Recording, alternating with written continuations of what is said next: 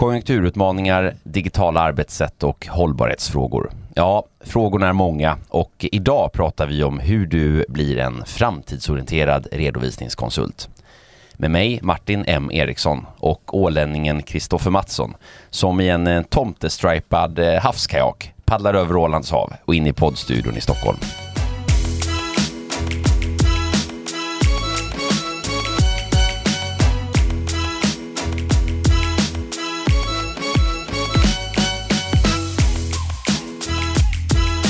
Ja, jingle bells, jingle bells. Det närmar sig med stormsteg jul och en uppsummering av det här året 2022 som har bestått av, ja, mycket både spännande och skrämmande saker. Det kan man minst sagt säga. Det tyckte jag var en väldigt fin introduktion. Ja, verkligen. Vi får se om vi får till någon årskrönika här, eh, likt, likt förra året. Mm. Vi gör nog en årskrönika i januari tänker jag. Ja, Det, kan vi lova alla. Ja, det, det låter En bra. årskrönika i januari. Ja, bra. Då Bra vi, julklapp. Då var den klar. Då har vi slagit fast det. Fantastiskt. Perfekt. Då Eh, går vi hem. Då går vi hem för dagen. Men eh, hur ska du fira jul då, Martin? Eh, jag firar jul eh, på, nere på västkusten. Eh, och det blir eh, ett eh, enkelt och lugnt julfirande med familjen och sen så blir det lite skidåkning som vanligt.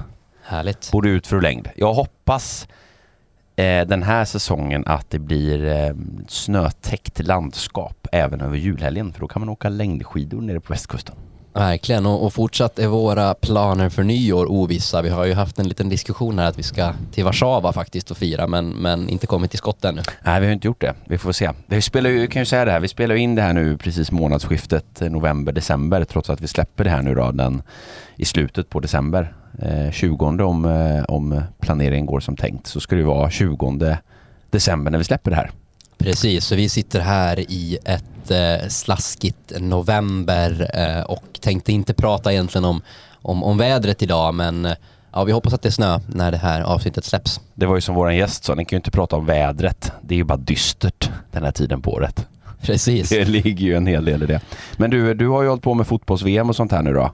Ja, det, det stämmer väldigt bra. Jag är ju en fotbollsentusiast ut i finger och tåspetsar. Och, Du är en entusiast på många sätt. Jajamän, det, det, det kan man väl säga. Och eh, däremot ska jag väl säga det att eh, det här VMet har ju varit väldigt, väldigt speciellt och, ett av få som jag faktiskt inte har följt lika slaviskt som man kanske tidigare gjort. Det har väl med många faktorer att göra men kanske framför allt för att det har varit den här tiden på, på året. Man är ju van vid att det är liksom sommar och uteserveringar och Eh, kran och fatöl som, eh, som flödar och, och glädje generellt. Det brukar ju vara euforiskt nästan när, när fotbolls-VM går av stapeln. Eh, och ja, det har ju varit ett väldigt omtalat världsmästerskap som ju alla vet. Nu vet vi inte ännu vem som, vem som vinner och tar hem det här men, men ja, med, med tanke på dagens ämne också, vi ska ju prata om lite hållbarhet här. Vi har ju äran att ha Lali Fjällström tillbaka i studion. Och ja, det finns ju mycket ramaskri kring det här fotbolls-VMet och ja, allt kring arenauppbyggnaden, mänskliga rättigheter, hur det har gått till och ja, kyler ner stadion med eh, aircondition och allt vad det är. Ja, jag lyssnade på en intressant debatt igår eh, om det där. Eh, ja, det, hade te- det var SVT Play som låg och spelade bakgrunden så jag vågar faktiskt inte svara på vilket program det här var men man debatterade just det här.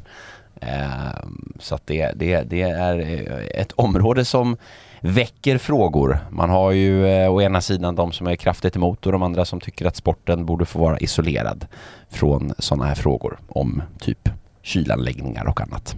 Martin, du som också är lika entusiastisk som jag då när det kommer till fotboll, har du någon kvalificerad gissning över vem som står som segrare sen när eh, vi släpper det här? Jag tänker väl Mariehamn. Ja, bra gissning. Ja, nej, vi, vi kan släppa det för du vet väl inte ens vilka nationer som representerar. Eh, Nej precis, det är, alltså fotboll är ju inte, eh, är ju inte min största, kanske mitt största intresse. Jag hade ju min, eh, mina brorsbarn på besök här för ett par veckor sedan. Och eh, de är ju då, eh, ja, eh, Linn är ju sju och Filip eh, är tio så säger ju då, eh, ser vi bilen och så snackar ju då brorsan och Filip fotboll. Och så säger Linn Ja, Martin. Det är så himla skönt att du inte är lika fotbollsnördig som de är. det tyckte jag var lite gulligt. Mm, vad härligt. Ja. Ja men eh, du är dock lite mer insatt i det vi ska prata om idag. Morgondagens redovisningskonsult och kanske hur man blir en framtidsorienterad sådan. Och någon som är kanske än mer expert på det är ju då som sagt Lali som vi har äran att bli gästade av för andra gången. Så varmt välkommen tillbaks. Tack så mycket, vad härligt att få vara här en gång till. Ja, vi är jätteglada av att ha dig här en gång Ja. till. Verkligen och idag så slipper du de här fem obehagliga snabba som du för övrigt var lite halvdålig på. Ja, alltså måste man verkligen välja mellan balansrapporten och resultatrapporten. Alltså Så där- Man behöver ju bägge. Därför blir det åtta snabba frågor idag. Oh, vad härligt. Nej, du ska, få, du ska få klara dig utan faktiskt. Aha, okej. Du har ju redan passerat in, så vi, vi ser ju dig som en uppvärmd gäst i Ekonompodden-studion, Tack. vilket vi är glada för. Och idag tänkte vi prata och lägga lite tonvikt vid eh, ja, men, morgondagens redovisningskonsult och även då eh, kanske lönekonsult, konsult generellt och hur man kan hjälpa sina kunder att bli eh, ja, men, framtidsorienterad sådan och lite yrkesmöjligheter och framtidens rapportering inom det här, eh, inom det här gebitet som ju verkligen är på tapeten som ju bekant sen innan. Och vi tänkte ju då lägga lite också fokus på hållbarhetsfrågorna. Eh, för er som inte har gäst, eller för er som inte har lyssnat på, på första avsnittet med, med, eh, med dig Lali så kan vi ju tipsa om att göra det. Där pratade vi just om men, vad är hållbarhet? Vad definierar området hållbarhet, hållbarhetsredovisning? Precis, Så- och vilka så- direktiv som finns och vilka begrepp man bör hålla koll på. Lite om hållbarhetsagendan som är uppsatt. Och, och Ja, så. exakt. Så att för er som inte lyssnat på det innan, gör det för då får ni liksom en, en väldigt bra bakgrund eh, om ni inte redan känner att ni är väldigt bevandrade. Och idag tänkte vi då som sagt ta det här steget längre då, titta lite mer på hur man kan omsätta det här i praktiken i rollen som redovisningskonsult. Och då är ju hållbarhet, det är ju inte som en egen liten skräll eh, som bara ligger där och är liksom isolerad från omvärlden utan tvärtom, den är ju integrerad.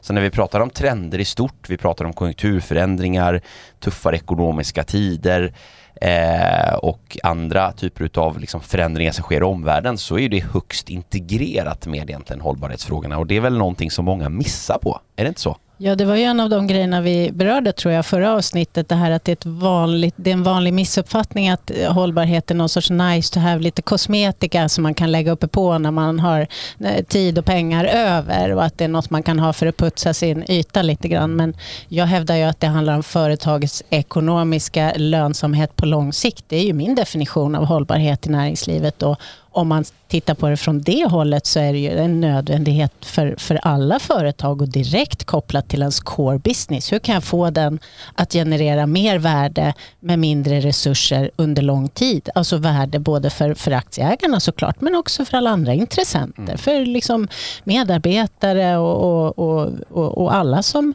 eh, berörs av det här företaget. Så det är ju högst relevant skulle jag säga. Ännu mer relevant nu när det är taskigt världsläge. Mm, verkligen. Om vi backar banden då, vi pratade ju lite definitioner tidigare, men bara för att klargöra det och göra distinktionen återigen. Vad är skillnaden då mellan hållbarhetsredovisning och hållbarhetsrapportering och kanske att överhuvudtaget ha en hållbarhetspolicy? Ja, precis. Jo, det, det blir ju lite begreppsförvirring och, och, och om man går till, till grunden så är det väl så att en hållbarhetspolicy, där talar man om vad har vi för mål med vår verksamhet, vad vill vi uppnå, hur identifierar vi de viktiga områdena. Så det är en policy som du kan sätta upp precis som du kan sätta upp en policy för andra saker. Ehm, och sen hållbarhetsredovisning, det är ju det frivilliga som man kan göra om man inte omfattas av lagkrav. Så en hållbarhetsredovisning kan vem som helst göra utifrån att man vill eller behöver. Och pratar man hållbarhetsrapportering så är det ju det som de företag som omfattas av årsredovisningslagens krav då på de större företagen, de måste upprätta en hållbarhetsredovisning. Ehm, sen kan ju en hållbarhetsredovisning också redovisas i en rapport, så det kan bli lite förvirrat där. Men man brukar skilja på hållbarhetsrapportering, omfattas av lagen, hållbarhetsredovisning frivilligt för de som inte måste. Mm. Bra förklarat Mm. och tydliga distinktioner. Det, det är eh, på sin plats i, i begreppsförvirringens värld eller när man kommer med nya områden och nya begrepp i alla fall som, som eh, omvärlden ska orientera sig. Verkligen. Och vi har ju pratat mycket även här i podden om liksom framtidens ekonom och kanske framförallt hur man blir en framtidsorienterad redovisningskonsult. Och, och vi tänkte väl kanske börja där och problemmåla också lite. Då, att, men hur går man man hör ju ständigt att, att man går mer då i takt med digitalisering och automation. Man får mer tid över till att vara en rådgivande part till, till kunderna och till organisationerna.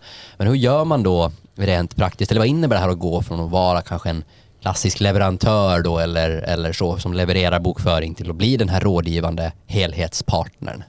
Ja, det är ju flera delar i det där, men, men eh, man måste ju börja med att se över sin egen affär som redovisningskonsult. Att om, jag, om jag fortsätter att springa på det fortast jag kan och, och sälja mina tjänster per timme, då, då får jag inte så mycket tid att se över hur jag vill jobba framöver, hur jag vill utveckla min affär, vilka nya typer av tjänster jag vill erbjuda mina kunder och så vidare. Eh, och, och, digitalisering har vi pratat om länge och det bygger ju på en hög grad av automatisering, vilket systemen gör åt oss i hög grad. Eh, men det är ju inte ett självändamål i sig, utan det är ju just för att frigöra tid för människorna att göra det som vi är bäst på. Mm. Vi låter manickerna göra det de är bäst på, göra saker repetitivt och snabbt och utan att snubbla på siffrorna och så vidare. Men det människorna behövs till, det är ju just att vara rådgivare åt kunden och hjälpa våra företagare som vi känner som personer, vad de har för mål, vi känner deras verksamhet, vi har stenkoll på vad deras utmaningar och möjligheter möjligheter är och, och, att hjälpa dem driva bäst, bättre business, att hjälpa dem utveckla sin affär. Det är ju det vi människor ska ägna oss åt, för det är det vi är bäst på. Så att om vi nyttjar automatiseringen och digitaliseringens möjligheter till att frigöra tid så att vi kan vara den här rådgivaren åt kunden, då kan vi ju liksom hjälpa dem tjäna pengar och vi kan också tjäna bättre pengar själva. Och det där hänger ju så otroligt tätt ihop för då är det många som säger så här, ja men frigöra tid, så här, vad, vad, vad då för rådgivningstjänster? Så här, rådgivning, det kanske inte finns så mycket företagsöverlåtelser och generationsskiften, det inte, behöver inte mina kunder varje dag. Liksom. Nej men det är ju rätt mycket mer grejer som är rådgivning som vi kanske inte tänker på. Hjälpa eh, kunderna sätta upp smartare flöden, välja ett bättre system, hitta nya affärsmöjligheter. Det är också rådgivning som en redovisningskonsult är den som är bäst lämpad. Och det är där hållbarheten kommer in tänker jag. Det där låter ju fantastiskt eh, tycker jag och framförallt det här, ja, men det ska frigöra väldigt, väldigt mycket tid och ändå så både hör, hör man tror jag, även har kanske de fördomarna som kund många gånger att ja, men min, min redovisningskonsult har det ju extremt, extremt stressigt och det, ja, men jag hinner ju knappt med bokslutet och hur ska jag då kunna få tid över kanske till, till ja, rådgivning kring hållbarhet då? Och det här är ju något som vi som bransch måste jobba med och sluta, sluta säga att vi har för mycket att göra, att vi inte kan ta in nya kunder, att vi, inte, att vi, har så, vi är så otroligt upptagna. Det blir ju liksom en, en självuppfyllande profetia därför att då, då kommer vi fortsätta springa i samma ekorrhjul. Så vi måste, man brukar säga att det tar tid att frigöra tid så att man kan få tid. Så att man måste liksom börja någonstans med att bestämma sig hur vill jag omvandla min business? Vilken typ av kunder vill jag ha? Vilken vilken typ av tjänster vill jag sälja? Hur vill jag leva mitt liv? Och det där är ju ett självledarskap som var och en måste göra men också branschen som sådan. Vilken, vilken typ av tjänster vill vi sälja till våra, till våra kunder? Vad vill vi hjälpa företagen med? Ja, vi ser så mycket fram emot att få liksom djupdyka ner med dig Lali på de här frågorna här i dagens avsnitt. Du, du känns ju lite, lite som, som eh, redovisningskonsulternas egna managementkonsult när vi wow. pratar med dig. Ja, du har ju tänket på ett holistiskt sätt då, för att vi kan ju börja lite i den ändan. De, de, tiden räcker inte, det är ju det man ofta hör, det är ju mm. liksom den oftast eh, utmaningen. Hur ska vi ens hinna det här? Vi hinner ju inte ens, vi hinner ju knappt med högsäsongen på våren med att göra alla deklarationer och bokslut. Um, och så har vi byråledare som ska debitera 85 av, av sin tid eh, fortfarande. Och gärna 90 procent ja, om det är möjligt. Gärna 115 om det är möjligt. Och, och, där liksom man inte har, har, tid och man har liksom inte ställt om riktigt, man har inte frigjort den här tiden och man debiterar fortfarande per timme. Mm. Och då kommer man ju, det enda man säkerställer då det är att det kommer fortsätta på samma sätt. Mm. Så vill jag fatta ett nytt beslut och bedriva min verksamhet på ett annat sätt, då måste jag prova att göra någonting annorlunda. Och det kan ju vara en sån enkel sak som att se var är mina tidstjuvar? Men om jag ska kunna få någon utväxling på att fånga upp tidstjuvarna då behöver jag också sätta om min affärsmodell. Därför att om jag jobbar snabbare effektivare men fortfarande jobbar på timme då har jag fortfarande inga annat alternativ än att springa lite snabbare. Så att ska jag tjäna pengar åt mig och åt kunden och frigöra tiden just för att hjälpa kunden fatta klokare beslut då behöver jag ju som min affärsmodell. Mm. Jag skulle ju också säga att det här med att frigöra tid någonstans eh, också skulle håll, leda till hållbara medarbetare inom redovisnings, eh, kanske på redovisningsbyrån också, för det är också någonting man väldigt ofta hör och en av de stora anledningarna till att det är ganska hög omsättning också, att man jobbar extremt mycket, det är extremt hög, eh, högt arbetstempo och det är bra i all ära och det är man van vid som konsult, men jag menar frigöra tiden innebär ju inte, innebär inte heller alltid bara att ta in fler kunder utan faktiskt skapa en hållbarhet för medarbetarna och de anställda. Att kanske inte ha det pressen på sig att ha den debiterbara. Och, och då är vi inne på kopplingen mellan den ekonomiska hållbarheten och den sociala hållbarheten. Därför att har du medarbetare som inte måste stressa, där du har en god planering, där du kan ha en god balans mellan arbete och fritid, där man inte jobbar ihjäl sig en viss tid på året och där man kan ha schyssta villkor, trivas på jobbet, få rimligt betalt, då kommer man inte heller ha lika stora utmaningar att rekrytera. För det är ju branschens största Ja, en av de stora utmaningarna just nu, kanske den allra största just nu är penningtvättslagen, men det är ett helt avsnitt för sig. Eh, men en av de stora utmaningarna i branschen det är just det här med hur kan vi rekrytera och behålla de bästa medarbetarna och då måste vi jobba med det man på andra delar i näringslivet kallar för sitt employer brand. Man måste faktiskt inte bara vilja vara en god arbetsgivare utan också se till så att man kan ha så schyssta villkor så att medarbetarna trivs och stannar och vill jobba. Då är vi tillbaka i hållbarhet. Att sätta upp värderingar som man lever efter. Att, att faktiskt agera på ett sånt sätt så att folk vill jobba där. Mm.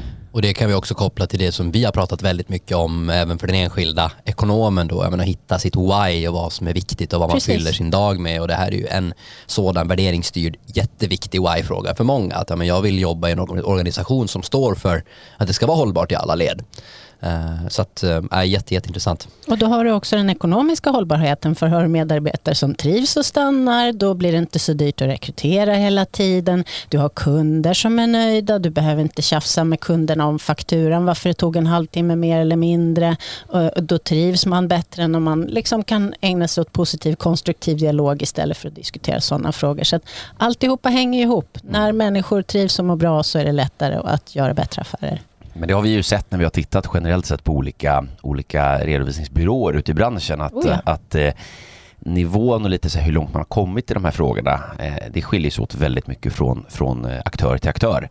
Vissa har ju kommit väldigt långt, eh, har en väldigt, eh, eh, ja, ett väldigt moget förhållningssätt till det här du beskriver och ger ju också den enskilda konsulten förutsättningarna att ju faktiskt bygga sin kompetens och sin, sina tjänster mot Och där är företagarens egen hållbarhet också. Sitter ja. du som byråledare på den här 80-85% debiteringsgrad, då har du inte tid att ta hand om dig själv, mm. du har inte tid att ta hand om dina medarbetare, du har inte tid att ta hand om din affär. Mm. Så att ja, du kanske är jätteduktig på att ta hand om kunderna, men, men du behöver bygga en, en långsiktig hållbarhet just. Och ja. det, det, det, alltihopa hänger ihop där. Ja, verkligen. Och det, och det ser vi också om man tar mot, mot polen till de här eh, duktiga så, så är det de här som man tycker liksom att det här, de är ju inne i något sorts eh, liksom, ständigt moment 22. De kommer ju liksom aldrig ur det där. Och det känns bara rörigt och det är personalomsättning och det är kunder som inte är nöjda och det är det är dålig lönsamhet och det är, är otroligt mycket utmaningar som vissa, vissa leverantörer eller vissa byråer har så att säga. Nästan lika dystert som novembervädret. Ja, men faktiskt. Det, och, och, det där är ju, det är ju, det är ju precis som du beskriver. Det handlar om hur man bedriver sin business och på vilket sätt man gör det här. Och där vill vi inte vara. Vi vill driva framtidens business. Mm. Vi vill jobba och, och, ha roligt och trivas på jobbet i framtiden också och då behöver vi lägga om vår affärsmodell. Då behöver vi se till så att vi trivs och genererar roliga arbetsuppgifter och bra med pengar. Mm alla inblandade. Vi pratade ju för några veckor sedan här i Ekonompodden om hur man uppnår varaktiga förändringar. Vi hade släppt ett avsnitt, jag tror väl det är två avsnitt tillbaks från idag. Var det till och med vårt femtionde avsnitt? Eh, där vi pratade ja, det just hur, vi, hur, man, hur man lyckas faktiskt att driva igenom förändringar eh, och vad som krävs för att göra det. Och då pratar vi om det här med att det, bland annat då, men man måste ju tro på det själv och man måste liksom definiera sin egen självbild som någonting i linje med det man vill uppnå och det man vill Precis. åstadkomma. Och då tänker jag så här, okej, okay, men om vi definierar då en framtidsorienterad redovisningskonsult så är det ju så mycket mer än bara säkerställa ordning och riktighet i redovisningen utan det är ju vara det här affärsnära stödet för kunderna eh, kunna liksom stötta dem i affärsrelaterade frågor Eh, och, och sen då, som vi är inne på här, till exempel hållbarheten. Hur säkerställer vi att, att, att vi kan då driva ett hållbart företag? Hur hjälper man sina kunder att göra det här? Och när man är ute bland, bland eh, konsulter så är det inte riktigt så den här självbilden är. Den är ju inte så etablerad, det är min upplevelse i alla fall.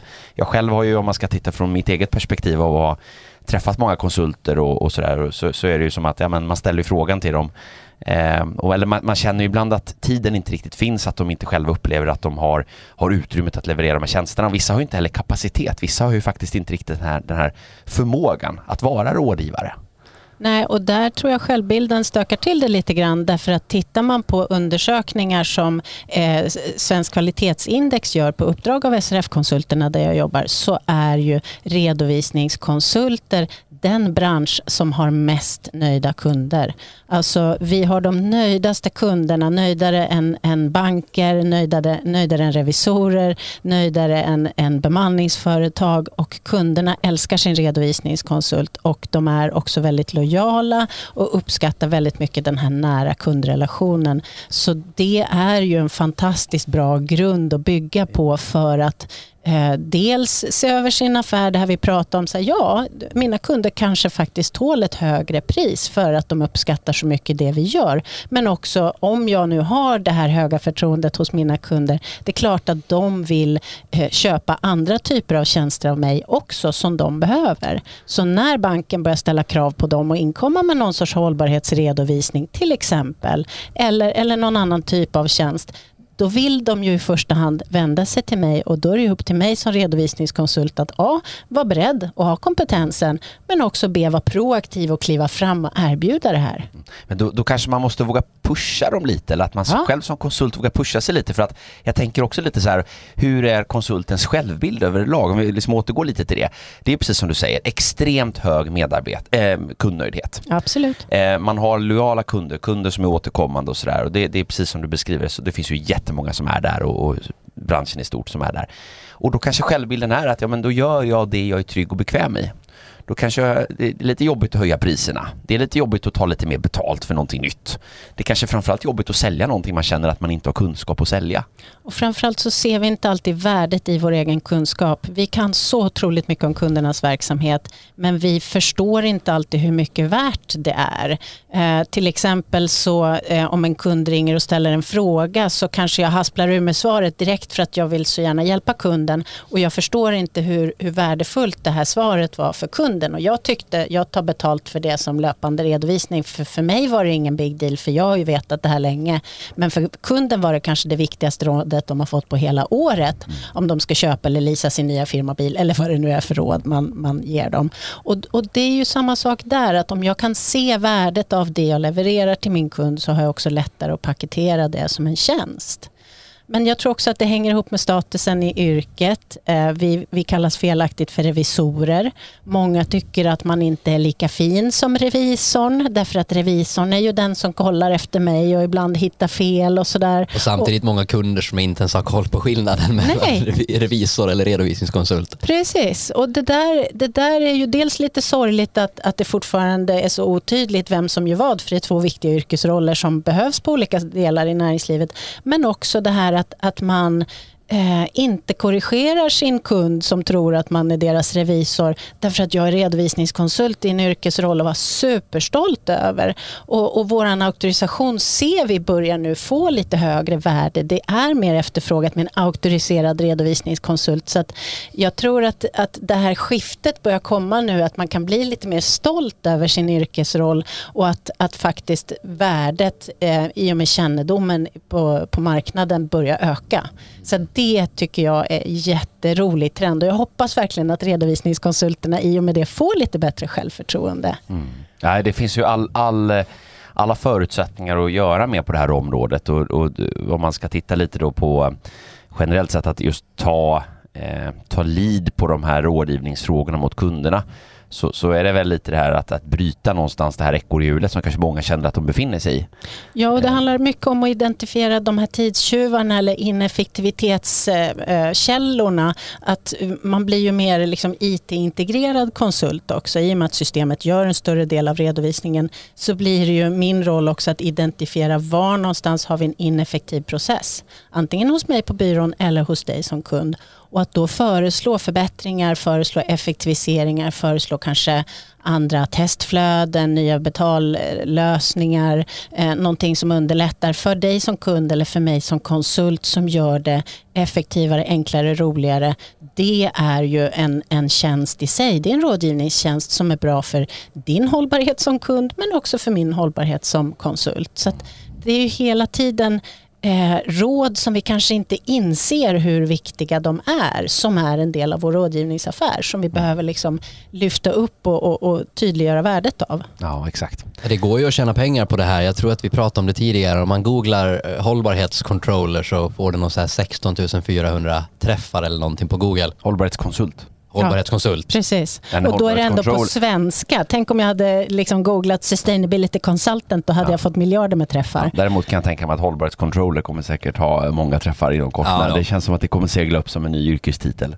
Verkligen. Och där tror jag, för åter till det här vad man också som kund kan göra, tror jag är väldigt, väldigt viktigt också att ja, men faktiskt fråga och utmana. Men nu kommer de här, eh, kanske direktiven komma på mig eller bara så här, vad jobbar ni med inom, inom Ja. hållbarhetsskopet för att liksom öppna upp för den här dialogen? Och att man som konsult då kan kliva fram Ja. och säga så här, hej kära kund, jag tror att du kommer snart omfattas av krav på någon typ av hållbarhetsredovisning, kanske till och med hållbarhetsrapportering enligt CSR, det är det vi pratade om förra gången. Eh, Jag som din redovisningskonsult är rapporteringsexpert. Jag kan din verksamhet utan och innan. Jag är expert på att hjälpa dig ta fram nyckeltal som styr din verksamhet i den riktning du vill. Jag kan hjälpa dig med den här hållbarhetsredovisningen. Visste du det kära kund? Jaha, säger kunden. Så, "Jaha, vad är det då? Så, ja, men, och då, får man, då får man hjälpa kunden att driva bättre business, ta fram en ny typ av rapportering och tillföra mer värde till deras företag. Jag tycker det är en självklarhet att det här är vår affär. Vi vill inte att, att de stora revisionsbyråerna eller de nya hållbarhetskonsulterna ska ta den här rådgivningsaffären. Vi vill ju att redovisningskonsulterna, som ju är de som är bäst lämpade att hjälpa företagen med det här. Vi tycker att redovisningskonsulterna ska hjälpa företagen med hållbarhetsredovisning. Såklart. Kanon. Och jag tycker det är bra, eh, bra vad heter det, nedtramp och gå vidare lite också. För vi pratade ju om det här med nyckeltal tidigare och, och du nämnde det nu. Vilka ny, vilka nyckeltal är viktiga att titta på? Det här i uppsnacket snacket, eh, pratar vi om solidi, soliditet och det är en, allt för många som egentligen inte vet vad det innebär. Men det skulle man ju på ett eller annat sätt kunna säga att det är ekonomisk hållbarhet. Och många Absolut. tror ju också att det ligger så långt ifrån de Ja. här klassiska. Och Men det, är gör så, ju inte det. Det är, så, det är så sorgligt att det uppfattas som någonting annat. Jag brukar ju säga att vi redovisningskonsulter har jobbat med kundernas ekonomiska hållbarhet alltid. Vi har bara inte kallat det för hållbarhet förut. Men det är ju att hjälpa kunderna driva en mer lönsam business som är lönsam också på lång sikt. Det är ju det som är hållbarhet. Och den, just soliditet är så roligt för det är ett nyckeltal vi plockar fram till varenda årsredovisning. Jag tror inte så många har funderat över att det faktiskt är ett hållbarhetsnyckeltal. Det handlar om företagets förmåga att stå emot påfrestningar på lång sikt. Självklart, helt, självklart är det ett hållbarhetsnyckeltal. Soliditet, likviditet, långfristiga, lång, långfristiga, kortfristiga lån. Självklart är det mått på företagets ekonomiska hållbarhet. Den sociala hållbarheten är många som spontant tycker känns lite luddigare. Det är sådär antidiskriminering kanske, eller jämställdhet. Hur mäter man det? Ja, men det handlar om, den sociala hållbarheten handlar mycket om hur människor mår och beter sig mot varandra. Kanske sjuklönekostnader till exempel, eh, jämställda löner, lönekartläggningen. Det är social hållbarhet och det har vi också i våra system.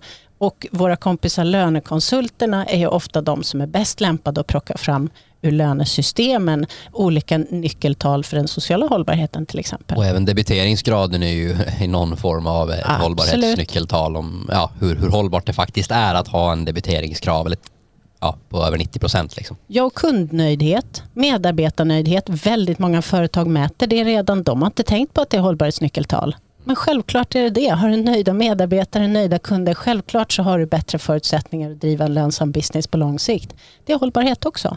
Sen det må- många tänker det är ju de här miljömässiga frågorna och det är så knixigt och jag, jag vet ingenting om, om växthusgaser och koldioxidavtryck och sånt där. Man behöver inte kunna så mycket om det. Man kan mäta kilowattimmar på elfakturan. Man kan ta reda på hur många tjänstebilar har man i företaget och vilken typ av drivmedel går de på. Så kanske kunden säger att kunden har fem dieselbilar idag.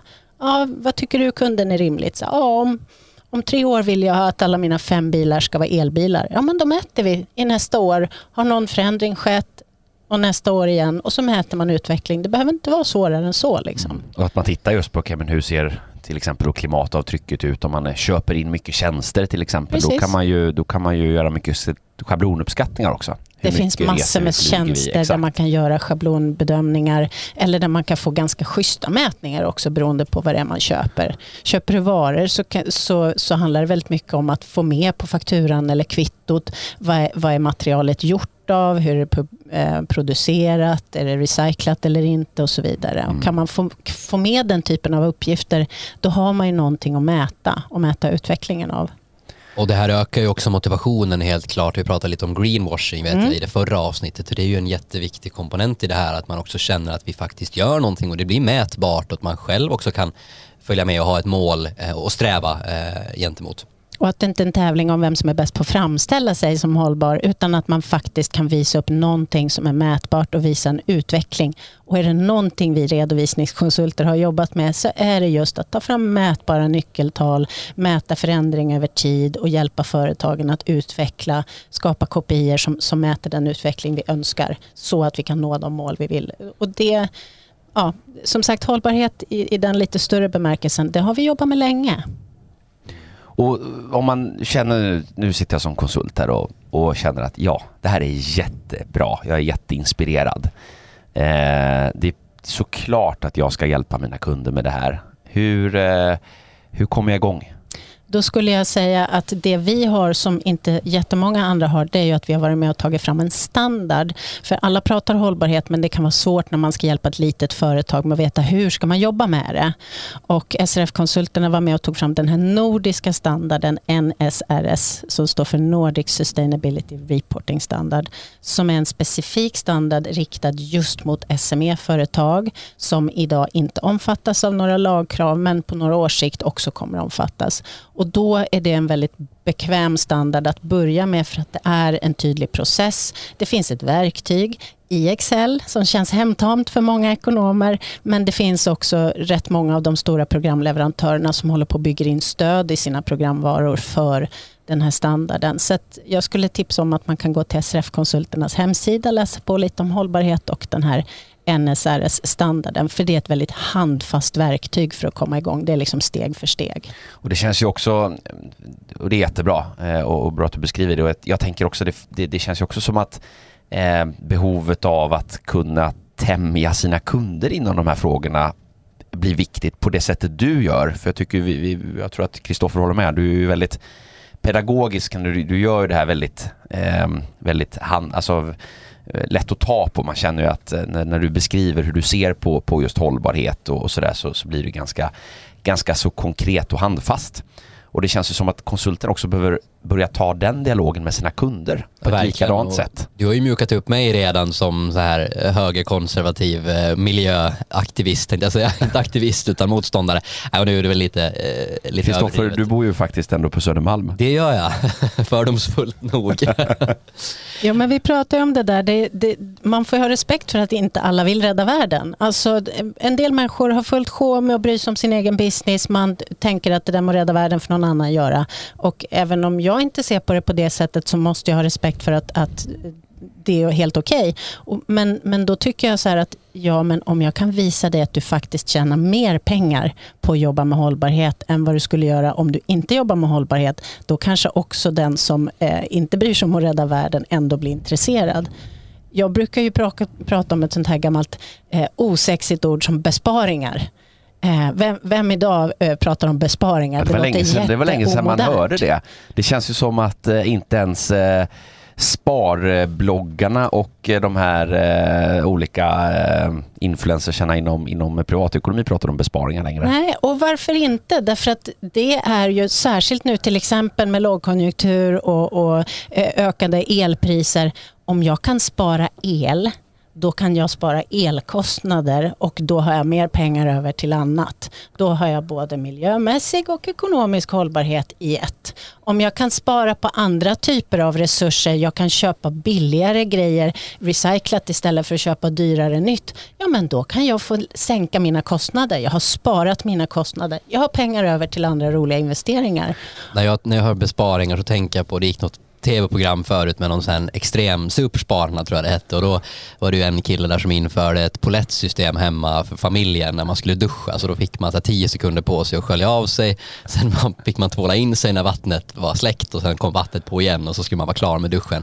Det var så där uppskattat i, inom familjen. Ja men det är men det, det jag menar. Det, det, har liksom fått någon sorts lite sunkig klang så här, att det, det är lite tråkigt och det är lite så här, det är inte särskilt livsbejakande att ägna sig åt besparingar. Men, men nu när man verkligen liksom kan se kopplingen mellan kostnader och resurser, då kan man ju liksom se, man kan välja vilken nivå besparingar. Att inte få duscha alls kanske är en skittråkig besparing, men att ta, lite, eh, liksom, ta en dusch istället för ett bad, det kanske känns som en rimlig besparing och då kan jag tjäna pengar på det. Och jag tänker nu också på de här kilowattjägarna som var tidigt på pucken och säger så här, ja men nu har jag sparat och sparat och sparat kilowatt och den har faktiskt halverats, ändå så har fakturan fördubblats.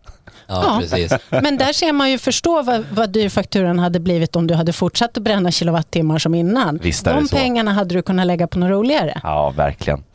Eh, satt för övrigt och lyssnade också på en, en intressant debatt här på Ekonomibyrån eh, mellan en företrädare för en av storbankerna och Claes Hemberg eh, angående just räntor och räntekostnader. Det var lite samma resonemang. Eh, ska, vi ska inte gå in på det nu men eh, det, det, finns många perspektiv i de här frågorna som är rätt intressanta. Ja, här och det krävs att väcka lite och liksom våga skaka runt lite och få folk att tänka till. Ja, men du har kopplingen också till, till hållbarhetsfrågan även där. Därför att vi pratade förra gången tror jag om EUs gröna taxonomi, taxonomiförordningen som gör att de finansiella instituten, bankerna till exempel, de uppmanas med både piska och morot att investera mera i hållbara verksamheter. Så det gör att jag som företagare, om jag behöver finansiering, går till banken för att låna pengar, då kan det bli skillnader i kronor och ören, i liksom miljoner kronor och ören om jag har en, ett hållbarhetsarbete eller inte. Därför att banken eh, ger bättre villkor till den som jobbar med hållbarhet jämfört med den som inte gör det. Eh, och de kanske inte ens är beredda att låna ut pengar till den som eh, inte jobbar hållbart. Eller man får mycket sämre villkor, eh, räntevillkor till exempel. Så det, är, det är skillnad i, i pengar att jobba med hållbarhet eller inte. Särskilt om man behöver finansiering. Ja, hör upp nu alla, som, alla hållbarhetsmotkämpar. Ja. Det går faktiskt att tjäna pengar eller spara pengar. Ja, och likaså i framtiden så kommer du kanske bli utan affärer. Om du inte jobbar med hållbarhet så kommer affären gå till någon som jobbar medvetet med hållbarhet och det gör ju att du också blir av med intäkter. Så att eh, också den mest inbitna eh, motståndare till hållbarhetsfrågan, om det är av politiska skäl eller annat, tror jag kommer bli övertygad när man ser att du kan få sänka dina kostnader, du kan öka dina intäkter, du kan hitta nya affärer. Du har lätt lättare att rekrytera de skarpaste medarbetarna om du jobbar med hållbarhet. Du kan fortsätta. Det är, det är så många likheter med digitalisering. Det blir så lite hygienfaktor faktor ja. Eh, förr eller senare, vilket ju är det som behövs. Vi måste liksom normalisera de här frågorna in i, i våra verksamheter för att, för att eh, lyckas hela vägen. Ja, och precis som med digitalisering så var det många som tyckte att det där verkar jobbigt, eh, det verkar dyrt, jag förstår inte, det verkar svårt. Jag jobbar på som vanligt. Absolut, i flera år framöver så kommer du fortsätta ha business även om du inte är särskilt digital. Men förr eller senare så kommer affärerna gå till den som är mer digital. Och på samma sätt är det med hållbarhet. Idag är det en konkurrensfördel att jobba med hållbarhet. Om bara några år så kommer det vara en hygienfaktor där du faktiskt blir frånåkt om du inte har ett aktivt hållbarhetsarbete. Och, och då är det man... vårt jobb som redovisningskonsulter att hjälpa kunderna vara konkurrenskraftiga också i framtiden. Och här kan vi också slå ett slag då just för den här ja men, om man någonstans ska åstadkomma den här förändringen så handlar det om att få till en beteendeförändring och då ja. behöver man ju någonstans börja ja, men, sprida den här kunskapen och, och inspirera liksom, och någonstans visualisera också målbilden. Ja, men, hur kan det se ut och, och, varför är det här viktigt? Precis som du säger, vi kommer kunna tappa kunder och vi, vi kommer liksom inte mäkta med konkurrensen så att det, är, det är verkligen, verkligen bra att det här diskuteras så intensivt som det görs nu. Och det ingår ju vår roll som konsulter, den här proaktiviteten som vi har liksom inskrivet i REX, vår standard för en auktoriserad konsult, att vi ska vara proaktiva, vi ska vara steget före, vi ska hjälpa kunderna med omvärldsbevakning, vi ska liksom se möjligheterna åt våra kunder och föreslå dem. Och det här är ju verkligen en del av vår omvärldsbevakning och hjälpa kunderna och säga att du, har inte du ett aktivt hållbarhetsarbete ännu, du kommer behöva det framöver för att få de här affärerna du vill ha för att inte tappa konkurrensfördelar för att vinna fördelar gentemot dina konkurrenter. Jag är din redovisningskonsult, jag hjälper dig. Jag hjälper dig få igång det här hållbarhetsarbetet som gör att du kommer stå dig starkare på marknaden. Och det är ju en del av vårt proaktiva ansvar tycker jag. Jag tänker spontant på, på uh, apropå omställning med, med den här med Blockbuster när Netflix kom. Mm. Och de som ju vägrade att ställa om. Så är det. Eh, väl en av eh, USAs absolut största kedjor inom det här. Men, men det symboliserar ju ganska tydligt ändå resultatet av att inte våga följa med förändring och trender eh, som ju faktiskt blir hållbara. De hade väl 60 000 anställda, över 9 000 videobutiker toppåret 2004 och sen så eh, i september tror jag 2010 så försattes de i konkurs. Mm. Eh, av resultatet av, av omvärld i förändring. Och det finns ju många sådana exempel. Ibland pratar man om facit, till exempel miniräknarna eller Kodak. Eh, Alltså, den som känner sig lite för trygg och lite för nöjd och inte omfamnar förändring, den riskerar att plötsligt bli eh, frånåkt. Och eh, det är ju en av de roligaste grejerna med att vara redovisningskonsult, att hela tiden vara på tårna, vara proaktiv och, och hjälpa kunderna spana in nya grejer som kan hjälpa dem driva en bättre business. Och så har man ju, som vi har varit inne på, man har ju eh, ett jäkla framsteg eller eh, försprång kontra då alla de här hållbarhetskonsulterna som redovisningskonsult som redan är inne och ser affären och ser alla ekonomiska flöden och har en bra relation. Så det är ju ett guldläge att faktiskt öppna upp och även kunna börja tjäna pengar på det här? Ja, vi känner kunderna mycket bättre. Vi är rapporteringsexperter. Vi vet allt om våra kunders svagheter, styrkor, möjligheter. Så det är klart att vi kan leverera en bättre hållbarhetsrapport än en hållbarhetskonsult. Men då måste vi lära oss en, en ny standard och det behöver inte vara så svårt. Ja, fantastiskt, eh, jätteinspirerande att, höra och man märker verkligen när man ser glöden i dina ögon, Lali, att det här är en hjärtefråga. Och för att eh, summera ihop det här och sy ihop säcken som det så fint heter. Vad, du skulle ge några stalltips då. Dels till byråledaren och dels till den enskilda redovisningskonsulten och kanske även till kunden då. Eh, vad, vad, skulle det, vad skulle du vilja skicka med? Ja, om vi börjar bakifrån då med kunden så för dig som företagare så är det bra att veta att du kan vända dig till din redovisningskonsult för de kan ditt företag bäst.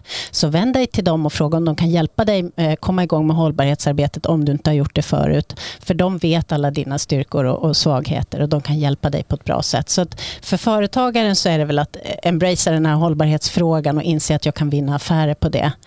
Och för konsulten, den enskilda konsulten handlar det om att se värdet av min egen kompetensutveckling, min egen kompetensväxling i den här skiftande omvärlden. Att det här är ett nytt område som jag kan lära mig. Jag kommer kunna tillföra värde till mina kunder om jag jobbar med det här och jag kommer kunna tillföra värde till min byrå om jag kan hjälpa byrån att leverera hållbarhetsredovisning till våra kunder. Och då är vi uppe på byråledaren och där handlar det om att se över affärsmodellen och frigör dina konsulters tid så att de kan lära sig nya områden. Så att de kan få specialisera sig på någonting de tycker är roligt och viktigt som också kommer tillföra kunderna värde och därmed till din byrå. Så att frigör tid för att skapa tid för att utveckla nya, nya tjänster. Det här är ju att framtidssäkra hela byrån för, för en kommande föränderlig värld fantastisk summering tycker jag. Verkligen, det tackar vi för och vi tackar även för att du ville komma hit igen till studion. Jätteroligt. Eh, och eh, ja, för oss andra här, eh, ivriga Ekonompodden lyssnare så hörs vi igen efter nyår och då har vi 2023 eh, att, att välkomna. Då lovar vi ju en, eh, återkomma med en eh, fantastisk årskrönika på det, här, eh, på det här smått galna året får vi väl ändå lov att säga. Och för alla er som gillar vad ni hör hos oss i Ekonompodden, in och och eh, klicka på gilla och följ-knappen. Dela jättegärna till eh, andra kollegor, vänner där ute som du tycker eh, borde ta och lyssna in på eh, på Ekonompodden för att säkerställa en, en, inspiration och utveckling i rollen som ekonom. Och så får vi väl vi ta och passa på att önska eh, god jul och gott nytt år och får väl se Kristoffer, du ska väl tillbaks till Åland. Eh, paddlar du i, eh, i den tomtestripade kajaken över igen? Sannerligen, det blir nog eh, så som jag egentligen brukar göra med, med båten, eh, så tråkigt som det låter. Men stort tack för den här gången och vi hörs igen. Gott nytt år och god jul. Och stort tack för ett bra år tillsammans. Ha det gott! Tack, hej! Hej!